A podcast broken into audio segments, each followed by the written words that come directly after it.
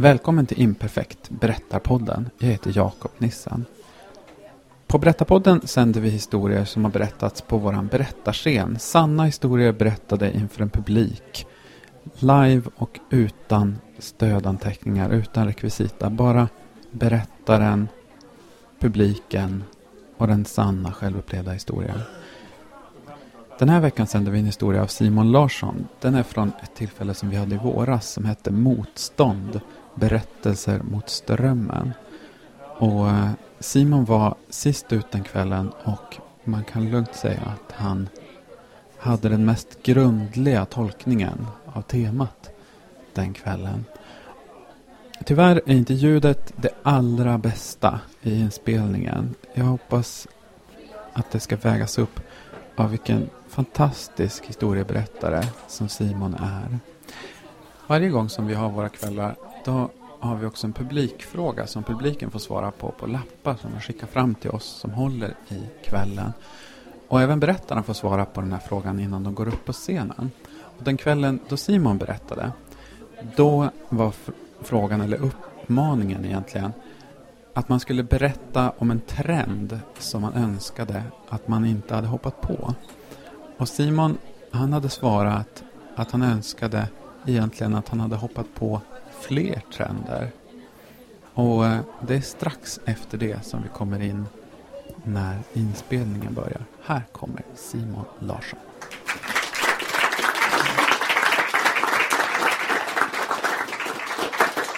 Ja, när jag, jag hoppade på det där med hårspray på 80-talet. Men det är ingenting jag ångrar. Men jag ska berätta nu, det utspelar sig på, på slutet av 80-talet. Jag var 12-13 år. Och det var på våren. Men det var inte, det hade inte blivit alltså blommor och fågelkvitter och sånt där. Utan det var mer att snön hade börjat ha, halvtina bort så man såg allt som var som var som ruttet. och jag drev omkring då i den här byn jag stora delar växte upp. En väldigt liten by. Och jag letade efter någonting att göra. Och så... Ja, jag var och gick i sånt där äh, grått, dött hö bakom någon lador och såg på någon sån här uh, renhage som hade liksom fallit ihop. Och äh, uh, spanade lite där åt olika håll. Och himlen var så där grå och det blåste lite grann och det var som vanligt. Men uh, då fick jag i alla fall syn på en en lekstuga. Alltså ett litet hus. Och det är ju lite kul för barn. Fast det var ju väldigt gammal och förfallen. Men jag kollade den i alla fall. Och jag minns att det var en sån, det var ju bara skräp där inne. Det var en liten vattenkanna i alla fall som var rosa. Eller det den hade som, färgen hade mattats rätt mycket en vattenkanna i formen av en elefant. Så gick jag ut ur den där och såg bakom där. Och det var då jag såg lite mer värdefullt fynd. Strandfynd kan man säga. För det här var det här var som nere vid älven, Kalixälven. En kanot. En gammal kanot. En gul kanadensare. Och eh, det där blev jag ju, och det var två paddlar också, de var lite trasiga, men en paddel var i alla fall helt okej. Okay. Men lacken hade blivit flaggat av och sådär. Jag tänkte att det här var någonting, för ja, när jag gick runt och letade så där, då ville jag som ha lite action i mitt liv. Så jag tänkte nu ska jag testa den här kanoten om den flyter. Och den var ju tung och slät och sådär. Och den var ju inte så gammal. Men jag lyckas få ner den i alla fall och jag minns det var en liten sån här iskant kvar vid, vid älven. Som jag, det var faktiskt ganska lätt då att kliva i. Och så stötte jag ut och paddlade och den funkar ju bra och då blev jag lite upprymd. Jag undrar vems, vems det är. Det kanske kan bli min. Eh, och då paddlade jag ut 20-30 meter och jag tog i så här och tänkte att jag är jävligt stark. och jag hade en sån här träningsoverallsjacka som från skidklubben som jag var med i som jag alltid hade och där jag såg som lite bredaxlad ut. Jag hade den alltid i skolan och allting. Så jag paddlade ut det kanske 100 meter. Och då så tänkte jag att ja, jag börjar väl vända nu. Och, så där. och då satt man, de där sitsarna, det var som två pinnar och så hade det varit något tygremsor mellan de här som man satt som på det där tyg. Men det var borta det där tyget så stjärten for som ner i den där mellan. Och så satt jag då längst bak och paddlade. Och så ska jag då vända om den där långa. Men då blåste det på sidan på den. Så den var omöjlig att ändra riktning på. Och det blåste som snett från sidan så här.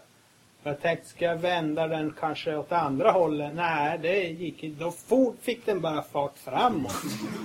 Om jag liksom paddlar på det. Så jag for ut och där kanske jag...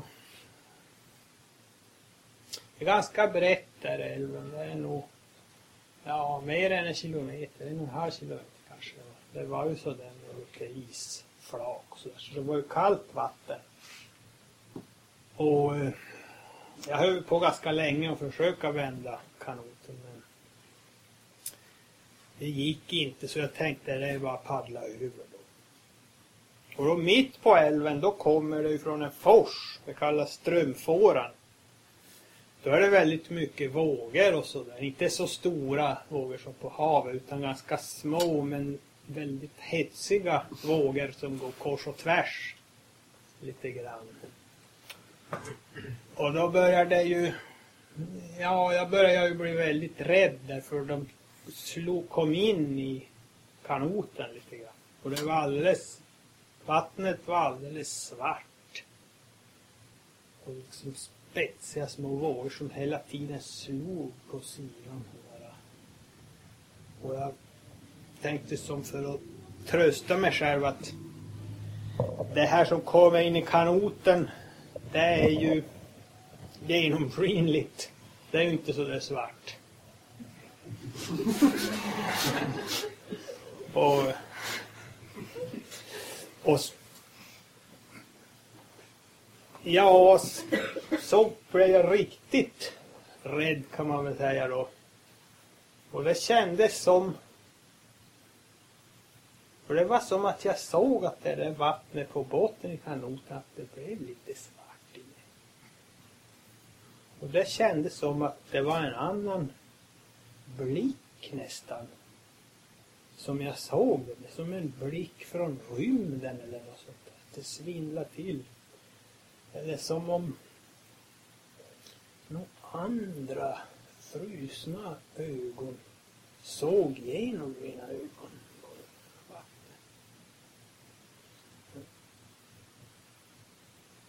Och sen minns jag inte riktigt resten av den där färden då. Men jag paddlade ju på väldigt mycket i alla fall. Och armarna hade jag blivit jättetrött i. För det var som, när man satte i paddeln, jag var väl inte den starkaste kanske, trots den där det var som att, då ska man ju fösa undan vatten. Men känslan var mycket med att det var någonting som tog tag i paddeln och föste undan den. Så det var som tvärtom. Paddling känns det som. Men jag måste jag paddla på väldigt mycket för till slut kom jag faktiskt över.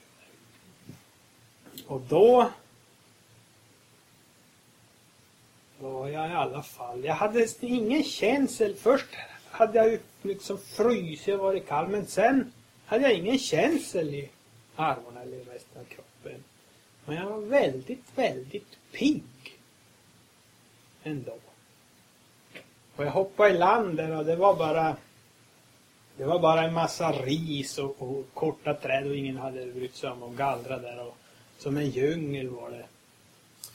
Och jag for, sprang genom den där djungeln och kände mig otroligt stark. Nästan som om jag hade fått superkrafter. Och så kom jag fram till en, liksom en glänta också. Och då såg jag att det stod, innan jag gick ut, så att det stod en älg mitt i. För det var en glänta och så var det en liten ö med träd mitt i. Och så stod det en älg och betade på skotten på en träd där mitt i. Och då ålade jag på de där lavarna. Det var sådana där rosa lavar. Jag vet inte vad de heter men de är så hårda. De är inte så fuktiga.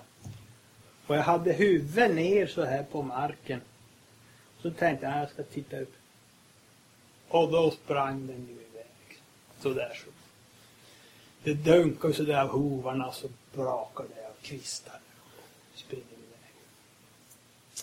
Men jag reste mig då i alla fall och sprang efter för det kändes naturligt. och, och då kom jag fram till ett jättegammalt hus. Där det, inte, det var som ingen väg direkt till det där huset men det var ett övergivet boningshus. Och då, ja, då tänkte jag ju att jag skulle vilja gå in där lite grann. Men det var ju låst. Då. Mm, men det var ena, det var ju, det var två, två tvåglasfönster på dörren där och det ena var krajat. Så, så jag krajade lite på den där andra. Så jag kunde, och då var det ett sånt där vred där inne och jag intalade mig själv att nöden har ingen lag och allt sånt där. Och det var ju, det var ju som ingenting där heller. Jo, det var en sockertopp faktiskt. En jättegammal sockertopp. Och då tänkte jag, ja, proviant och då gnagde jag lite på det, men det hade blivit så hårt. Hårt, så det var som en sten, men, och det smakade mest damm. Den var väl kanske från 60-talet.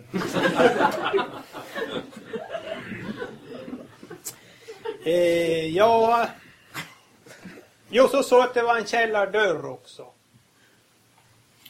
Och den fick jag upp och det var ju bara svart där nere för det var ju ingen el som funkade i det här huset. Och då tänkte jag att jag ska ändå gå ner i källaren. I det där mörkret. Och det var någon slags ledstång och sånt där vidja som de hade spikat fast där som man kunde hålla i. Och så stod jag där nere. Och då tänkte jag på några vampyrfilmer som jag hade sett. Det var den här Salems slott och Nosferatu. Så var vampyrerna, de hade inte tänderna brett så utan de hade smalt som på en råtta. Jag tänkte att att de var där inne, de där två vampyrer där nere då. Fast det gick man De syntes ju inte, för det var så mörkt. Men... Och jag sa, ta mig då. men det gjorde de inte.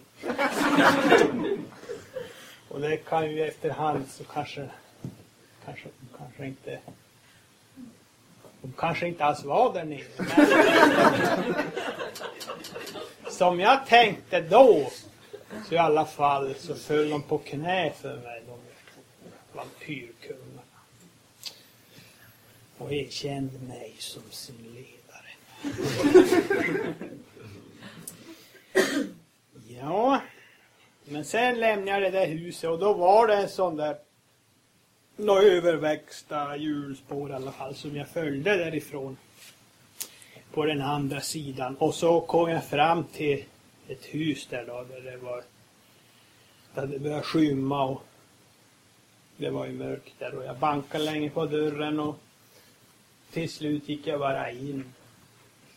Och då var det ju två gamlingar som var väl 70 kanske som låg i sin säng. De hade vaknat men de hade inte öppnat. Och de letade sina glasögon där och, och hade nattlinnena Och... Ja, då, vem är du och vart kommer du ifrån? Jag kommer från den andra sidan.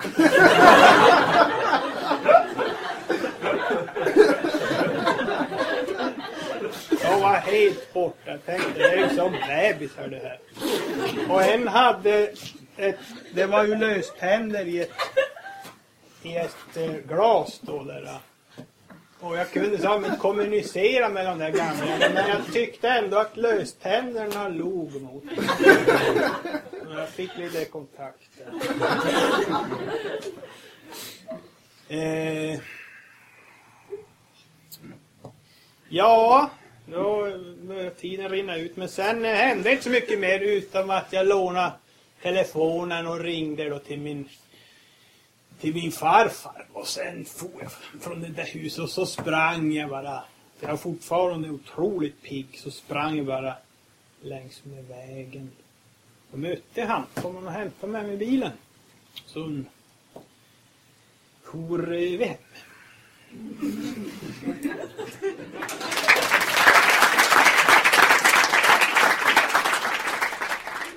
Simon Larsson är forskare i idéhistoria vid Uppsala universitet. Och vill man komma och höra och se våra fantastiska berättare live så är nästa chans att göra det torsdag den 10 december klockan 19.00 på Drottninggatans bokhandel i Uppsala. Då kommer vi hålla en kväll som vi har kallat för Historier hemifrån. Och kan man helt enkelt inte bärga sig till dess då är vi tillbaka med podcasten igen om en vecka. Man kan läsa mer om oss på vår hemsida imperfekt.nu och på vår Facebook-sida där man söker på imperfekt scen. Och där kan man också pitcha sin egen historia till oss så att du kan få chansen att stå på våran scen längre fram. Gör det! Vi som har gjort Imperfekt, Berättarscen och Berättarpodd heter Jakob Nissen och Julia Westerdahl. Vi hörs igen om en vecka.